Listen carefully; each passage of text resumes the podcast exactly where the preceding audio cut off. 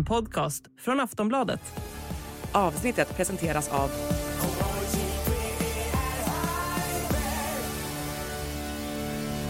Stödlinjen.se, åldersgräns 18 år. Välkomna till Aftonbladets politikpodd En runda till. Jag heter Olivia Svensson, experterna heter My Råväder och Lena Melin och i det här avsnittet ska vi både till kolonistugan och till tatueringssalongen. Nu sätter vi igång.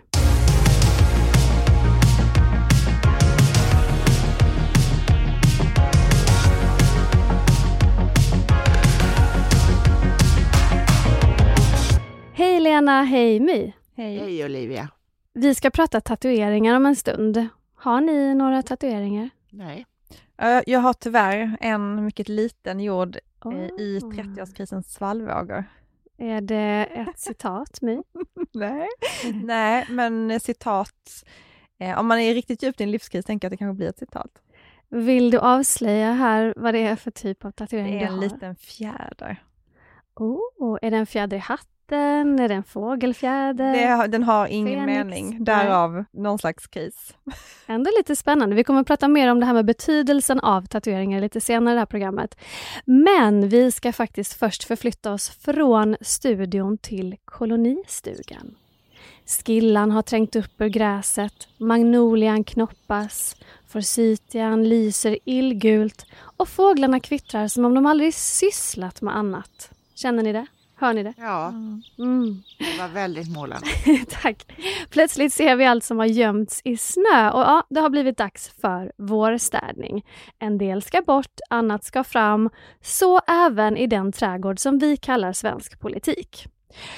Jag kommer att vara enväldig, eh, vad ska man säga, trädgårdsmästare här lite grann, så får ni se om ni håller med mig eller inte. Ja. Vi börjar med ogräset tycker jag. Liberalernas ledare, tillika arbetsmarknadsminister Johan Persson, har råkat i blåsväder, en liten vårstorm. Men det är inte han som är ogräset? Det, det, det är det vi ska tvista om här My. Upprinnelsen är beskedet från SJ om att de ställer in all tågtrafik mellan Skåne och Göteborg i sommar. Boom, bara sådär. Det är ogräs. Det är verkligen ogräs. Och det här beskedet fick Johan Persson att twittra följande. Inga SJ-tåg mellan Skåne och Göteborg i sommar. Det är helt sjukt faktiskt. Hundratusentals arbetslösa. Ändå går inte tågen på grund av lokförarbrist. Med regeringens politik kommer det inte vara lika fett att vara arbetslös. Bidragsreform, utbildningslinje, arbetslinje, punkt. Ja, han satte ner foten här på Twitter. Och hans uttalande väckte ju snabbt mycket kritik. Dels på grund av påståendet att det skulle vara fett att vara arbetslös under någon som helst politik. Dels på grund av att det har varit ett stort antal sökande till få platser på de lokförarutbildningar som faktiskt finns. Och Johan Persson fick gå ut och förklara sig. Lena, hur allvarligt eller dumt, eller vad du nu vill välja för eh, ord, är det att en arbetsmarknadsminister skriver så här? Jag säger som en liten grannpojke till mig gjorde. Han hade en engelsktalande förälder och en svensk. Stupid. Stupid? Stupid. Jättestupid. Vill du motivera det här? Nej, men alltså det är superkorkat. Det, för att han säger också att, att det eh, i princip var, är så att folk vill vara arbetslösa därför att det är så himla lönsamt jämfört med att, att arbeta. Och han tar som exempel att eh, utbildningarna inte följdes under pandemiåren 2021 och 2022. Eh, och för det första så var det väldigt få utbildningsplatser då. För det andra så var ju folk tillhållna att hålla sig hemma. Så det kanske var svårt att utbilda sig till eh, lokförare någon annanstans än där man bodde då. Borde inte en arbetsmarknadsminister ha lite koll på just arbetsmarknaden? Alltså arbetsmarknadsminister bör eh, veta vad han talar om och då bör han inte uttrycka sig så här. Då gör han sig inte bara stupid, han är också löjlig. My, borde Johan Persson ha tillgång till sociala medier eller är det dags att kasta bort tangentbordsnyckeln? Jag har stängt mina ögon. um, alltså, han borde ju börja dra i nödbromsen lite. Uh, för att det är ju någonting där han väldigt gärna ville visa någon slags personlighet i sociala medier. Det här tycker jag också är ett uttryck för det. Han skriver att någonting är fett. Det här med att försöka visa att han är down with the kids. Och det är ju, ingen vuxen är ju det. Någonsin. Det måste Så man ju ändå sant. komma för. Så sant, det måste man Ja. förstå och respektera. Och att det är så här att det går ju att få fram politiska budskap utan att sätta det i någon slags löjlig kontext. Och eh, Vad borde han ha skrivit? ja, nej men han borde väl bara ha gjort det som, som all, vi alla känner, att det är kast att Ja. de ska ställas in. Eller Eh. också kunde han faktiskt ha lastat sig själv. Ännu mer klädsamt förstås. Ja. Nu ser det ut som det gör. Jag lovar att kolla på det här. Ja. Eh, nej, så att, och om man nu måste dra, precis, om man nu måste dra linjen till arbetsmarknaden, istället prata om förutsättningarna för att utbilda sig till lokförare. Men det är klart, jag håller, jag håller med honom att det är kast att de här Mm. tågen inte går. Det går ju fortfarande tåg, men just de här tågen Ska går. man överhuvudtaget som, som en vuxen man slänga sig med uttryck som fett? Man kan ju säga vad man vill inom sitt hems fyra väggar, men när man är på sitt jobb och ska uttrycka sig som en minister i en regering, då kanske man ska fundera över vilket ordval man har, även om man försöker bli down with the kids. Alltså, My, du har ju visat mig att Johan också finns på TikTok. Jag vill berätta, alltså jag vill, jag vill att du ska berätta för mig vad han gör på TikTok. Nej, det är Nej. obeskrivligt. Alltså, Alltså jag, han gör olika saker med varmkorvar. Jag, jag vet Ah, inte vad vi ska prata jag såklart. vet liksom, jag kan inte ens prata om det här. Nej. Jag har till och med fått skriva en text om det här för att jag blev så traumatiserad. han har fastnat i varmkorvsbilden Ja. av sig själv. Men det är lite det här jag menar att man kan ju ha ett politiskt budskap och man kan ju göra det kul. Eh, men att leka med varmkorv är ju inte ens ett politiskt budskap och det är inte särskilt kul. Det Nej. kanske finns vissa som det är ju en smaksak. Nej, nej, men det är absolut men, inte kul. Rent alltså, objektivt handlar det ändå inte om när man är en partiledare att man ska komma ut med sin politik och ha ett politiskt budskap. Och om man nu känner att man behöver nå unga väljare, det är en viktig väljargrupp, eh, återväxten och så vidare, så kanske man behöver ha ett politiskt budskap och inte bara flams och trams. Ungdomar är också intresserade av samhället och politiskt budskap. De är intresserade av eh, när ska de få sitt första jobb, hur ska det se ut, hur ska de utbilda sig, sånt som en arbetsmarknadsminister är ansvarig för. Så att jag tror att det finns möjlighet för honom att faktiskt uttrycka sig eh, på ett sätt som når unga, även med politik och inte bara med trams. Jag tycker att man, han devalverar sitt eget värde genom att hålla på och fjamsa så här på det hel, ständigt igen. Det han skulle kunna ha sagt den här gången var ju att fortfarande att han tyckte det var helt vansinnigt att det inte går några SJ-tåg mellan Göteborg och Malmö. Men han kunde ju också ha eh, tänkt ut någonting och säga om hur, hur regeringen tänkte attackera det här problemet. För det är ju inte, SJ har ju för sig en egen utbildning av, av lokförare, men det kanske inte räcker och folk kanske vill byta bolag. Ja, jag gillar att ni tog ner det här till en mer allvarlig nivå, för vi har ju pratat en del om vikten av vitala samhällsfunktioner. Hur allvarligt är det att det inte kommer gå några SJ-tåg mellan två av Sveriges största och mest befolkade regioner under sommaren? Alltså det är ju väldigt allvarligt för människors bild av samhället därför att eh, bevisen för att liksom vitala samhällsfunktioner inte fungerar staplar sig på varandra. Sen är det väl i praktiken inte någon eh, liksom, katastrof om inte just SJ kan köra några tåg mellan Göteborg och Malmö under några månader. Men, men eh, det, det adderar ju till att, att ingenting fungerar som det ska. Jag fortsätter rensa lite här i min rabatt och då hittar jag gamla plastpåsar som ligger och skräpar och då tycker jag det för oss direkt vidare till plastpåseskatten. I den frågan verkar det ha uppstått viss förvirring. Först kom beskedet att SD och regeringen vill slopa eller kraftigt sänka skatten på plastpåsar vid årsskiftet. Sen gick klimat och miljöminister Romina Pourmokhtari ut och sa att ett beslut väntas först i höst. Sen kom vårpropositionen och i den står det att regeringen inför budgetpropositionen för 2024 avser att remittera ett förslag om att avskaffa eller sänka skatten på de här påsarna. Någon slags utredning om jag förstår saken rätt. Jag vet inte riktigt vad jag ska göra av det här. Hur ska de ha det med sina påsar? Men jag tycker alla sa samma sak. Ingen förvirring för dig? Nej, skatter ändras vid årsskift, årsskift, inte någon annan gång. Grejen var Utan väl att... undantagsvis. Nej, Mm. men grejen var väl att för, det var fler än jag som blev förvirrade och det handlade väl lite grann om att Romina Pourmokhtari och SD verkade ha lite olika uppfattning om hur snabbt det här skulle ske och Och man varför. befann sig i processen och i förhandlingen också. Det verkar som att de inte alls har haft någon kommunikation i den här frågan. Så det var ju det som, för, som jag tycker överraskade. Alltså det mest förvirrande är att de ska avskaffa en skatt som, infört, som har införts genom gemensamma beslut i EU. Den här plastpåseskatten är en EU-uppfinning som i och för sig införs av varje land eh, på egna grunder. Men det är ju där grund, det är, det är inte så att det här är någon uppfinning från Sveriges riksdag. Och det måste man ju ta hänsyn till. Och det är ju det verkar som SDs Oskar Sjöstedt inte hade förstått. Nej, för här... Det var förvirrande, men det här att man ändrar skatter vid årsskiftet var ju inte, så är det ju. Är det SD eller är det regeringen som verkar ändå vara ansvariga för den här förvirringen? Nej, men det var väl att Sjöstedt försökte få det här att verka bättre än det var. För han sa ju att, att plastpåseskatten skulle bort.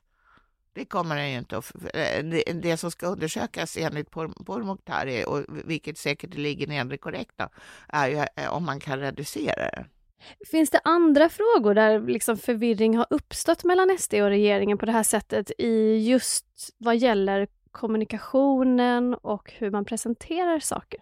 Alltså vindkraften var ju en förvirring inom Sverigedemokraterna. Där Oskar Sjöstedt igen sa att man skulle typ avskaffa, kanske riva vindkraft. Eh, medan de fick ut sen och säga att det var inte riktigt så de menade. De menade att staten skulle inte gå in och betala, eh, subventionera byggandet av vindkraft. Eh, en annan sak de har förvirrat är ju det här med utnämningsmakten. Alltså är Sverigedemokraterna med och förhandlar om att utse generaldirektör eller inte? För utnämningsmakten ligger ju hos regeringen, men det verkar ju inte Sverigedemokraterna riktigt hålla med om och det verkar också som att de har ett finger med i spelet när det handlar om utnämningsmakten.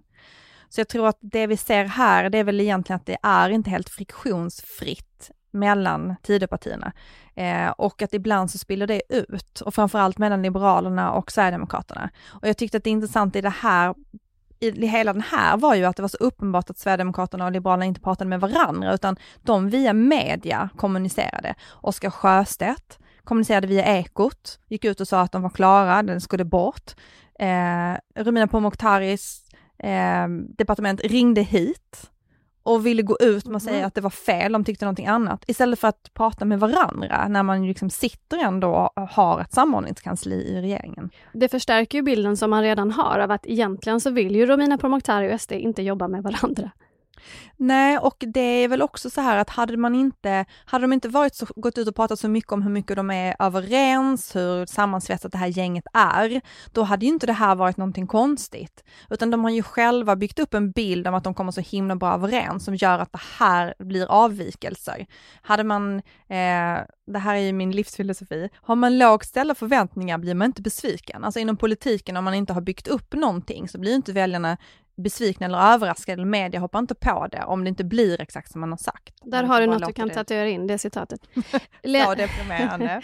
men, men Lena, är det inte så att det är Sverigedemokraternas liksom oskuld kring det här med att faktiskt regera och bestämma som visar sig lite grann här? Skulle man kunna tolka det så? att det verkar handla om att Oskar Sjöstedt är lösmynt.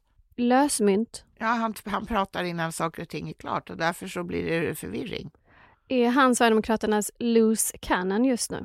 Jag vet inte, jag tror han tycker det är så himla kul att vara med så att han oavsett om det gäller plastpåsar eller något annat så kan han liksom inte hejda sig.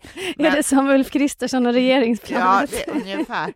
Men, men, men sen är det ju en sak, alltså inga koalitioner är ju friktionsfria, alla bråkar. Jag spanar vidare här ute vid stugan efter rost och lösa plankor och grejer. Och då hittade jag lite allvarligare grejer här. I början av februari så fritogs ju en man som var dömd för mordförsök från en av kriminalvårdens transporter utanför ett sjukhus i Norrköping. Och i förra veckan så var det en väldigt spektakulär fritagning av en morddömd 17-åring i samband med ett tandläkarbesök i Södertälje. Debatten om hur det här ens är möjligt och debatten om hur så kallade SIS-hem fungerar eh, är härmed igång. Och justitieminister Gunnar Strömmer har visat sig då såklart i samband med det här. Eh, han har meddelat lite olika saker den senaste tiden. Bland annat så ska regeringen ge Kriminalvården i uppdrag att stärka säkerheten vid fångtransporter. Det kan man ju tycka är lämpligt. Han är ute och hjälper dig här i trädgården och rensar. Han rensar jättemycket. Ja. Eh, regeringen ska också ge polisen, Socialstyrelsen och Statens institutionsstyrelse i uppdrag att kartlägga hur många barn och unga som är aktiva i gängmiljöer. Verkar det här vara bra grejer, Lena? Jag tycker det verkar väl eh, jättebra om det är säkert med tvångtransporter. Ja, men eller hur? Ja. Ganska självklara Ja, saker han eh, säger. jag kan inte ens förstå att det är en sak. Han sa så här, Strömmer, att rymma måste i sig vara straffbart. Samhällets signaler ska vara entydiga och konsekvenserna för den som rymmer måste bli ännu mer kännbara. Hur kan de här sakerna inte vara på plats redan, undrar jag? Det tycker jag också är konstigt. En mordmisstänkt som ska till tandläkaren, kan inte tandläkaren gå till fängelset då? Precis. Jag har en jättegenial lö- lösning som ni hör. Men Strömmer, behöver- vi ringer dig om en stund. Ja. Men, men sen är det också så här med att säga så här, uppenbara saker. Det är klart att samhällets signaler är entydiga, att man ska inte rymma om man sitter i fängelse. Eller blir fritagen. Nej, och jag tyckte också det här andra med att regeringen ska ge uppdrag att kartlägga hur många barn och unga som är aktiva i gängmiljöer. Då tänkte jag, har vi inte redan gjort det? Are we not already on it? Kände jag, jag fick lite panik. Är det, är det här regeringens nya kri- kriminalpolitik? Slå in olika typer av öppna dörrar? Ja, det är de lättaste dörrarna att slå in. Ni som har kollat in eh, vad som hände med budgeten förra veckan, hur ser satsningarna ut för det här området? Alltså det var ju, det var ju några små putsar med pengar på det här området. Eh, det är, blir ju väldigt litet då eftersom det är en eh, vårändringsbudget. Eh, men Säpo fick ju mer pengar för att försämra det säkerhetsläget. Kriminalvården fick 300 miljoner för att öka sin kapacitet och det brottsförebyggande arbetet fick pengar för att stärka upp lokalt 100 miljoner. Det är ju inte mycket pengar i en budgetkontext. Eh, utan det är ju mer en signal. Och så handlar det också om att se vad har förändrats sedan höstbudgeten, som är den riktiga budgeten, eller vad vi ska säga, eh, och behöver man anpassa det då efter verkligheten på något sätt.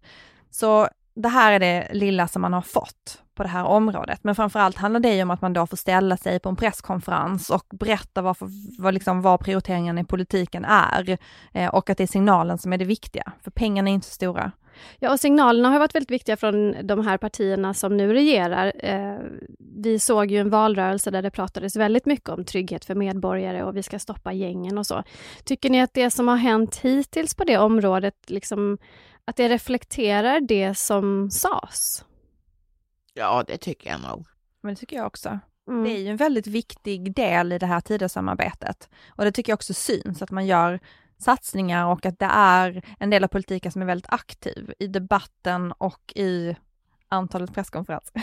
Ja, det var Inte press... räknat, jag kan tänka att det har varit många. Alltså det var ju en presskonferens faktiskt här på morgonen där Henrik Winge från Sverigedemokraterna och Gunnar Strömmer eh, hade en gemensam pressträff. Då berättade de att Henrik Winge blir ordförande för Trygghetsberedningen där man då ska analysera samhällets återfallsförebyggande arbete.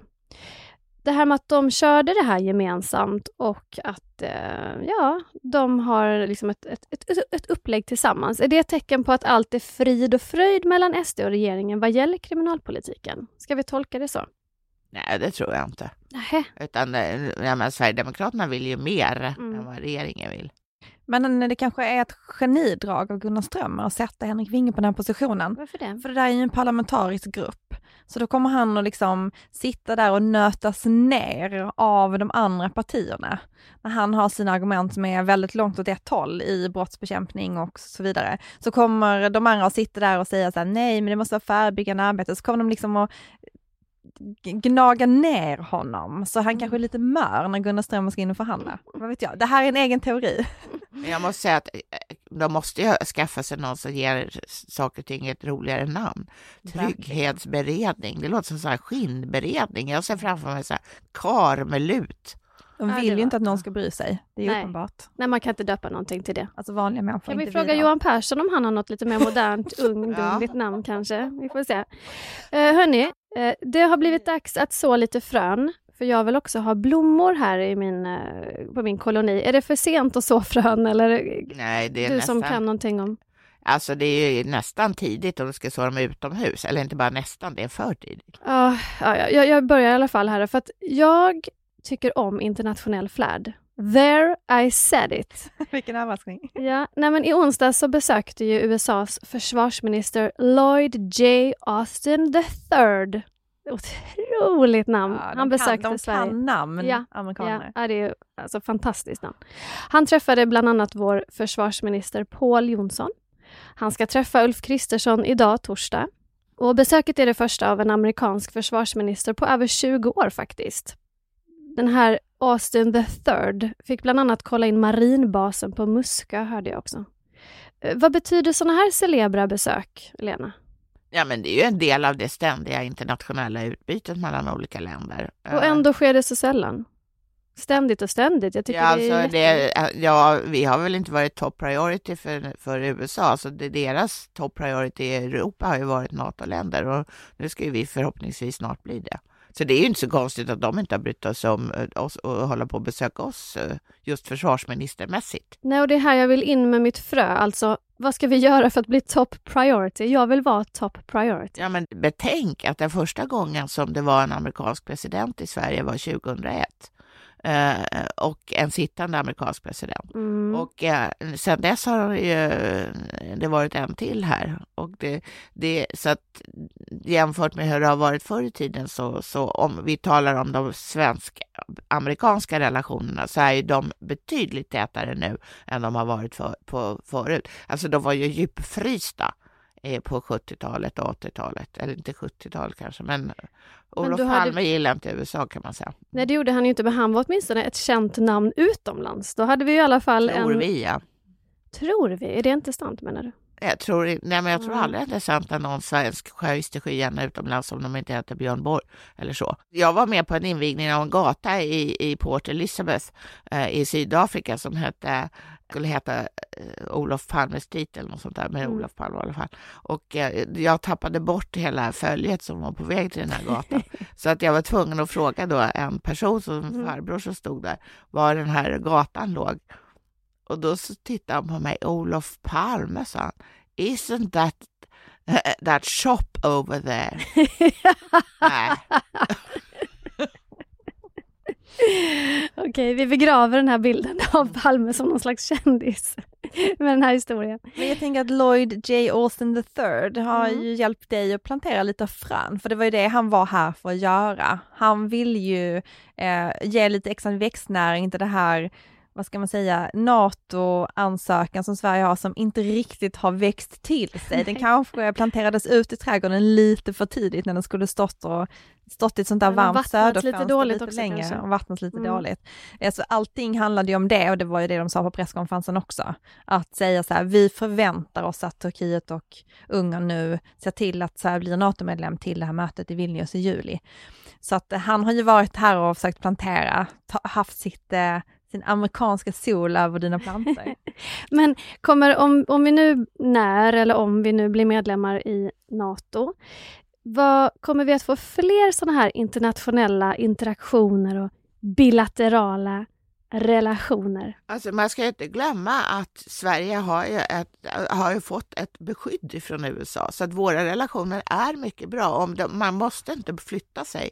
Det här hände ju till exempel när, när eh, Sauli Niinistö, den finske presidenten, var i Washington och kopplade upp Magdalena Andersson som då var statsminister per telefon till ovala rummet och Joe Biden. Just det, det där berömda samtalet. Mm. Men alltså jag vill ha mer, jag vill ha fler The Third och sådana där gubbar och gummor. Ja, ja, men då, jag tror inte det kommer komma jättemånga fler än det redan gör. Jag har tänkt mycket på det här med att ha en livaktig opposition, hörni. Nu rör vi oss vidare här längs eh, liksom buskarna i, i trädgården. Det känns ju väldigt viktigt och roligt för debattklimatet och för politikens utveckling att den andra sidan liksom frodas och växer och grenar sig in på olika ställen. Och då tycker jag det är dags för en liten lägesuppdatering. Hur går det för den andra sidan? Ja, det går väl inget vidare kan man säga. Men jag kan förstå om de har, känner lite så här tappade sugar. Därför att trots allt så förfogar oppositionen endast över 173 mandat. De kommer inte få någonting igenom under de närmaste, alltså fram till 2026. På fyra år kommer de bara sitta och jobba förgäves. Det kommer inte att förverkligas. Så att om de inte eh, liksom tjoar och kimmar och ser jätteglada ut eh, så har jag viss förståelse för det. Har de inte chansen ändå att bråka lite nu? Jag menar, jag såg Damberg var ute nu med budgeten. Det finns ju en hel del klimatpolitik som det bråkas om. Jo, men det är klart att de försöker opponera, men det är ju ingen idé att de så att säga eh, lägger ner skitmycket jobb nu på att presentera eh, jättegenomarbetade alternativ, utan det är ju bättre att de, om man ser det ur deras synvinkel, de här fyra oppositionspartierna, att de har siktet inställt på valet 2026 och jobbar lite mer långsiktigt. För att deras alternativ för närvarande är det ju ingen som är intresserad av det. Ja men den här, till exempel som eh, vårbudgeten, eller alla budget, eh, som, budgetar som läggs, när regeringen lägger sina förslag, så är det ju väldigt en, vad ska man säga, det är en jobbig situation för oppositionen för att de har ju inga färdiga förslag. Så vad man gör är att de lägger, de presenterar sin eh, vårbudget och vårändringsbudget och sen så ska oppositionen då ha en, ett pärlband och presskonferenser där de kommenterar. Men allting alla vill, alla vill veta är så här, ja men vad är er politik? Och den ska de inte lägga från om ett par veckor. Så att det är verkligen också en sån här tråkvecka att Mm, vara det blir ett glapp liksom. För att det spelar ju ingen roll att man tycker att motståndaren är dålig, det vet alla redan. Man vill ju veta vad man vill göra istället eller bättre eller på något annat sätt eller ha någon annan tanke. Och det har man inte just i det där ögonblicket. Nej men som, som enkel, simpel medborgare tyckte jag att man kunde bli väldigt besviken på den här debatten i riksdagen som följde på budgeten. För att där var det, jag menar, det är jättetråkigt ekonomiskt läge, det finns ganska mycket att prata om och bråka om. Och det var torrt och ganska segt allting. Men jag, jag tror du har för högt Ja, ställda det har jag som förväntningar på eh, vårändringsbudgeten. Ja, Jag säger ju det, förvänta dig ingenting så blir du inte besviken.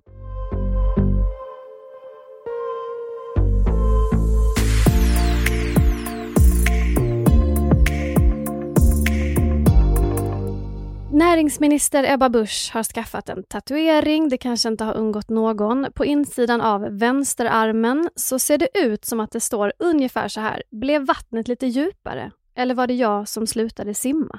Mm. Mm. Skulle säga att förmodligen står exakt så. Mm, jag tror det också. Ja.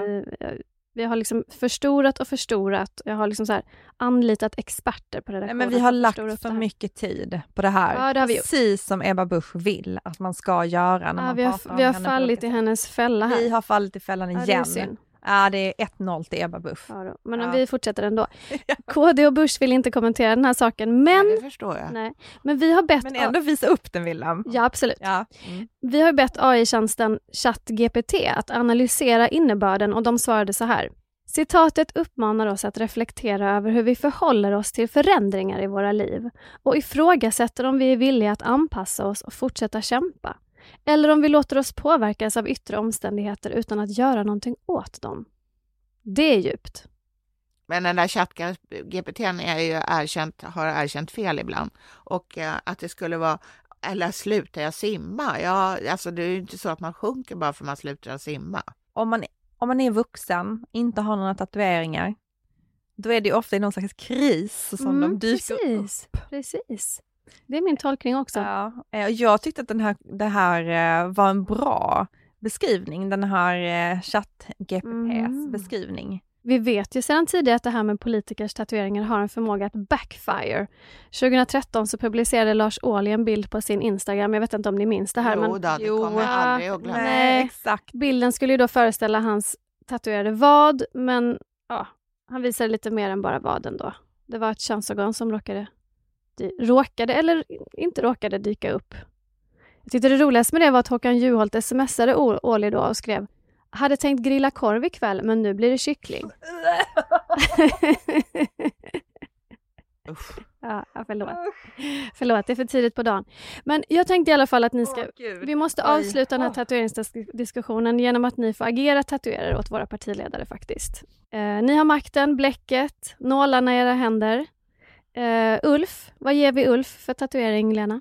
Jag tar direkt från deras valmanifest, ordning och reda. Ordning och reda. Var någonstans? Vaden. Va, var någonstans? Jaha. Ja, han får ta den var han vill. Men han har oftast här uppgavlade ärmar så Ja, det har han. skulle passa på nedre armen. Mm, tror jag med. Jag tänker ett kinesiskt tecken. Oh, han gillar Kina jättemycket. Ja, och Mm. jag tänker att det skulle vara ändå lite självcentrerat, så att det skulle väl kanske vara hans stjärntecken. Japp, För han, han är stenbock, eller hur? Han är född i slutet aning. av december. men det tycker jag låter Mm. toppen. Jag vet inte exakt hur det kinesiska tecknet ser ut, men det, jag tror på det. Jag tror på ett kinesiskt tecken någonstans, kanske på axeln. En klassisk plats för ett kinesiskt tecken. Det är taget. Skuldran, axeln. Ja, det är taget. Mm. Jimmy Åkesson, eh, Lena? Ja, men där har jag faktiskt ett klassiskt citat som jag tror han skulle gilla att ha någonstans. Veni vidi vici. För att det är någonting han gillar. Jag kom, jag såg, jag segrade. Mm, Seger det är viktigt. honom. Mm. Det var ett bra förslag. Jag tänkte att det skulle vara ett par ålar som slingrade sig upp Han är inte PM arm. Nilsson, hörde du? Nej, men ålen är Sölvesborgs landskapsdjur. Ah. Och den finns ju i deras heraldiska vapen. det låter som en jätteotäck tatuering. Jag får lite krypningar här nu, men visst. Jag tänker att han liksom tillbaka till ursprunget. Antingen det heraldiska vapnet eller de här ålarna som slingrar sig upp längs hans arm. Eller för- vad eller lår. Det beror på hur stort man vill ha det. Vad är det för fel på en vanlig svensk flagga? Hade inte det varit perfekt för Jimmy? Egentligen, bara Men basic. han är ju inte 16 år så jag tänker att han har gått vidare från det. Från 16 år till Johan Persson tycker jag då blir väl en lämplig övergång. Vad ska han ha? Jag tycker inte Johan Persson ska ha någon tatuering. Nej, Okej. nej. Lena? Ja, men jag tänkte att han skulle ha killen vid grillen. Alltså det som, alltså i text. Ja. Killen vid grillen Ja, så bara. kan man ju ha en sån här grillspett. Ja! På bröstet va? Det är sällan man ser det faktiskt. Ett grillspett. Ett grillspett. Jag tycker det är en superidé. Ja, den är otrolig. Nooshi Dadgostar, hon måste också ha. Ja, Men hon, är, hon kallar sig för den så här, ironiska generationen, fast hon inte alls är det, för hon är född i mitten av 80-talet. Så det är en ironisk tatuering och det brukar väl vara någon slags seriefigur va? Om man har en ironisk tatuering. Mm, Eller det vad tror brukar jag. det vara? Ehm, kanske Bamse. Han var väl kommunist, eller vad brukar de säga om Bamse? Bamse, mycket bra idé. Vi tar en Bamse, En eller Bams. Skalman eller Lille Skutt, vad hon nu, ja. vilket Bamse, vilken Bamse-karaktär hon nu identifierar sig med. Nej, men jag tänker att för hon är ju lite obändig och har ju en otrolig gnista så att jag tänker always strike back. På vaden, kanske? Nej, den ska ju vara någonstans där den syns. Så att jag tror, för det måste ingå i hennes... Ansiktet, Liksom. pannan. Nej, inte ansiktet. Nej, men någon, någon någon Ja, men det är bra. Ja. Jag tycker att Per Bolund och Marta Stenevi får ha samma tatuering. Mm. Det måste vara en blomma va? Det måste vara en maskros. Det tänkte faktiskt jag med. Ja men en blomma, en svamp kanske. Nej, Cykelhjul nej, tänkte jag också tänkte på. också maskros. Ja. Mm. Nej men då kör vi en maskros. Jag tycker väl, jag är väldigt förtjust i maskrosor. Och Magdalena Andersson då? Ja, men hon måste ju ha en sosseros. För att, eh, tänk alla gånger hon säger vi socialdemokrater, då kan hon liksom eh, visa upp den här sosserosen på en gång. Så blir det så här d- dubbel effekt. Jag tänkte också på en liten våg. Hon gillar ju att simma. Vad tycker du My? Ja, jag håller med om rosen. Jag tyckte det var svårt att komma på någonting till henne. Hon känns så otroligt mycket som en person som aldrig Hon kommer aldrig skulle spontant få för sig att skaffa en Inte ens vi kommer få en ändra sig tror jag. Uh, Muharrem Demirok. Jag fortsätter ju att eh, hävda att jag tycker att den breda mitten är den perfekta tribal svanktatueringen. Alltså texten den breda mitten. Jag har till och med tvingat någon att ta fram den i sån här gotisk stil. Ja men just det, det har du. Men då kan vi väl skicka den till honom på mail lite senare idag. Ja, men jag tycker det. I Mm. så här tribal, text, gotisk stil, över svanken. Den har dubbel mening ju. Den breda mitten, mitten på kroppen och den breda mitten. Mm, det är skitbra. Ja. Jag tänker så här att ja, min morfar hade en tatuering på nederarmen. Dock, eh, för då på den tiden, han eh, gjorde lumpen eller vad det hette, var inkallad på en ubåt under första världskriget. Så att han hade då eh, en ros och ett ankare och ett kvinnonamn. Dock Mm. inte min mormors. Så att det, det, um, han, ty- han ville gärna dölja det. Men det här var ju väldigt vanligt då att man hade just den där uppsättningen av, av um, tecken. Men jag tänker att Demirok verkar älska sin hund. Så att han får göra samma sak med hunden som tydligen heter Allan eller vad det är. Så ett hjärta och Ett hjärta, ett ankare och så en liten... Allan. eh, Ja, och sen, man kan ju tänka sig en liten, så att säga, eh, Allans huvud då också, inte bara hans namn. vad glad hans fru ska bli. Alltså vi skulle inte inte sagt vara det med. här. Det känns som att nu har Lena Mm. sått ett frö hos Muharrem. Det kommer att hända. Kommer Vi vet någon som ringer till en tatueringsstudio i Linköping idag. Men då har vi nog egentligen bara faktiskt Ebba Busch kvar. Ska inte hon få någonting till när hon ändå har startat sin Nej, nu tatueringsresa? får det räcka. Nu får det räcka. Ja, jag tycker också det. Nu har Aha. hon sin tatuering. om, en, om hon har en livskris och om den fortsätter, då kan det nog bli fler. Om ni lyssnare har något förslag på en tatuering till en partiledare får ni gärna höra av er, eller med vilken fråga ni än kan tänkas sitta på. Skicka den till podcast.aftonbladet.se så kanske Lena och My svarar på den. Det vet man Ja. aldrig. Det kan Ja. hända. Tänk så många bra förslag på tatueringar Ja, vi skulle kunna få skicka in, från lyssnarna. langa. Och så hörs vi ju som vanligt nästa vecka. Tack för idag hörni. Tack själv. Hej då.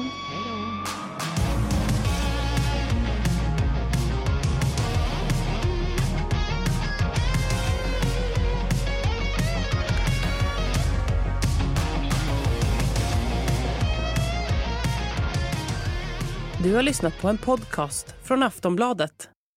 Ansvarig utgivare är Lena K Samuelsson.